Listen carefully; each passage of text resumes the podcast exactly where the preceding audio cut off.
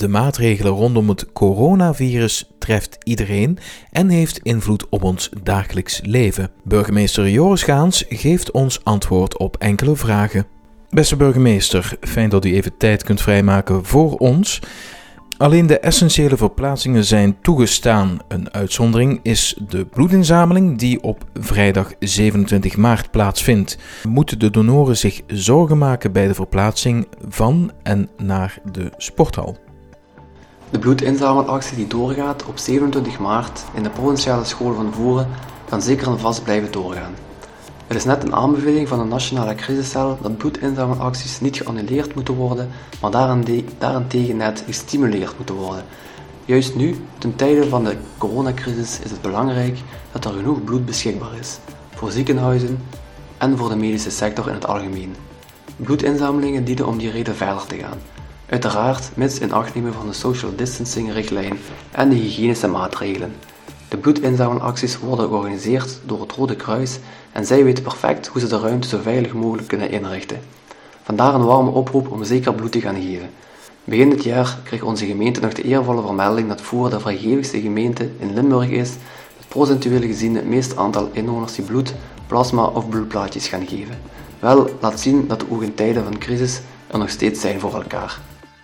Belangrijk om erbij te vermelden is dat bloedgevers zich op voorhand moeten aanmelden en alleen op afspraak kunnen komen.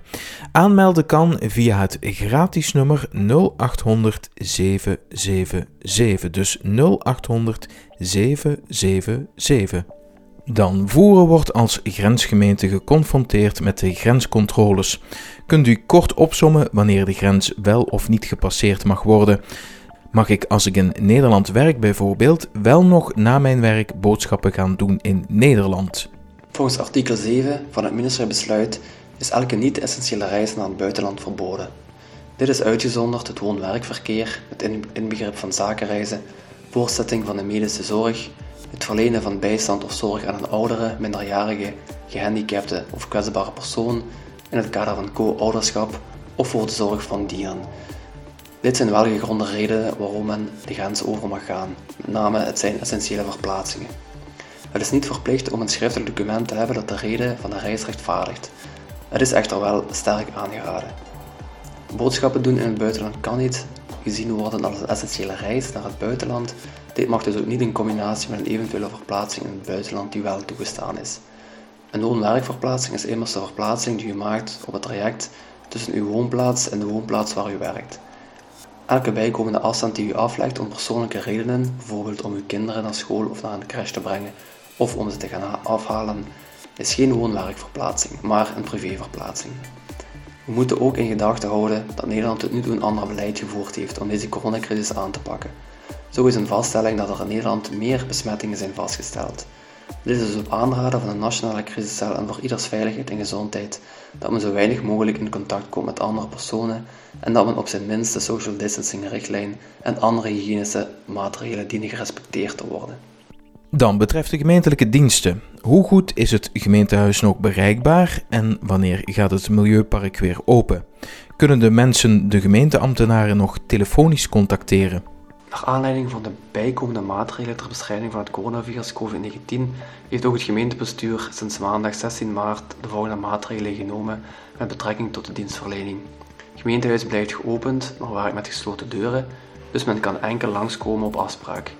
Waar kan verloopt de dienstverlening telefonisch of per mail. Veel documenten kunnen immers ook digitaal aangeleverd worden. Niet, niet dringende zaken worden best even uitgesteld en we zijn elke dag bereikbaar via telefoon, tussen 8 uur en 16 uur. Het milieupark blijft gesloten en dit is, is er gekomen na een beslissing van minister De Meer. Er zijn momenteel gesprekken lopende op nationaal niveau om de milieuparken terug te openen. We wachten af wat hier de uitkomst van gaat zijn. Mocht de beslissing zijn dat de milieuparken terug open moeten gaan, zullen we ons milieupark uiteraard ook terug openen. De afvalophaling daarentegen, georganiseerd door Limburg.net, gaat voorlopig door zoals gepland. Toerisme is een belangrijke bron van inkomsten voor onze gemeente. Zijn er al plannen bedacht of in de maak voor tegemoetkomingen of ondersteuningen door deze economische tegenvaller? Op Vlaams niveau en op federaal niveau zijn er al verschillende initiatieven genomen om eigenlijk zelfstandigen en uitbaters van toeristische logies om hen eigenlijk bij te staan en om het inkomensverlies dat ze nu zeker en vast lijden door deze coronacrisis, om hen daarvoor een kleine compensatie aan te bieden. Zo heeft het Vlaamse Agentschap voor Innoveren Ondernemen hebben zij een corona-hinderpremie in het leven geroepen van 4000 euro, waar eh, bepaalde personen, of ja, zoals ik net zei, zelfstandigen of uitbaters van toeristische logementen, waar zij eigenlijk gebruik eh, van kunnen maken. Daarnaast zijn er nog een aantal andere initiatieven. Nu, de gemeente zal deze, ehm, deze zelfstandigen en uitbaters van toeristische logies contacteren en um, zij zullen een overzicht, we zullen een overzicht voor hen opstellen, zodat ze eigenlijk niet moeten zoeken tussen al die verschillende overheidswebsites en zodat we het hen eigenlijk gemakkelijker kunnen maken om um, op te zoeken waar ze recht op hebben. Nu, daarnaast hebben we vorige week um, een beslissing genomen als gemeente om eigenlijk eh, de gemeentelijke belastingsreglementen specifiek gericht op de toeristensector toe te staan dat daar belastingsverminderingen voor mogelijk zullen zijn voor het aanslagjaar 2020 en dat zullen we zeker en vast uh, bekijken. Daarna zullen we ook bekijken wat we doen met andere uh, belastingsreglementen, dat we daar een bepaalde vrijstelling voor zullen uh, voorzien voor een bepaalde periode. Maar in eerste instantie zullen we proberen om eigenlijk deze coronacrisis zo goed mogelijk uh, ja, te organiseren op zo'n manier dat mensen die hulp nodig hebben, dat die hulp kunnen krijgen. Ook dat we de richtlijnen van, van de nationale crisiscel en van de provinciale crisiscel, dat we die zo goed mogelijk uitvoeren. Um, in eerste instantie gaat dus uh, de aandacht naar de veiligheid van, van, van de inwoners van Voeren. En in tweede instantie zullen we dan verder bekijken hoe dat we eigenlijk uh, die verenigingen of, of, of um, zelfstandigen en uitbaters van toeristische hoe dat we hen op een gepaste wijze kunnen bijstaan, eenmaal dat deze crisis um, hopelijk heel erg snel uh, voorbij gaat zijn. Hartelijk dank voor dit interview. Wilt u als burgemeester tot slot de voerenaars nog een advies geven of een hart onder de riem steken? Als laatste boodschap zou ik misschien toch nog even uh, willen meegeven voor uh, inwoners van, van de Voeren. En het is al vaak in de media geweest, maar um, volg alsjeblieft alle richtlijnen op die men vanuit, uh, die zo vaak ondertussen al op, in de media zijn gekomen, die bepaald worden door experts, door virologen, door dokters en zo verder. Wij proberen hier als lokaal bestuur gewoon de richtlijnen zo goed mogelijk toe te passen, zodat iedereen zich in een zo veilig mogelijke omgeving bevindt. Dat is in ieder, ieder zijn belang en we hopen ook dat iedereen zijn verantwoordelijkheid oppakt en de adviezen zo goed mogelijk naleeft. Ik denk dat dat in eerste uh, de taak is van iedereen. Uh, het is voor iedereen zijn, zijn veiligheid.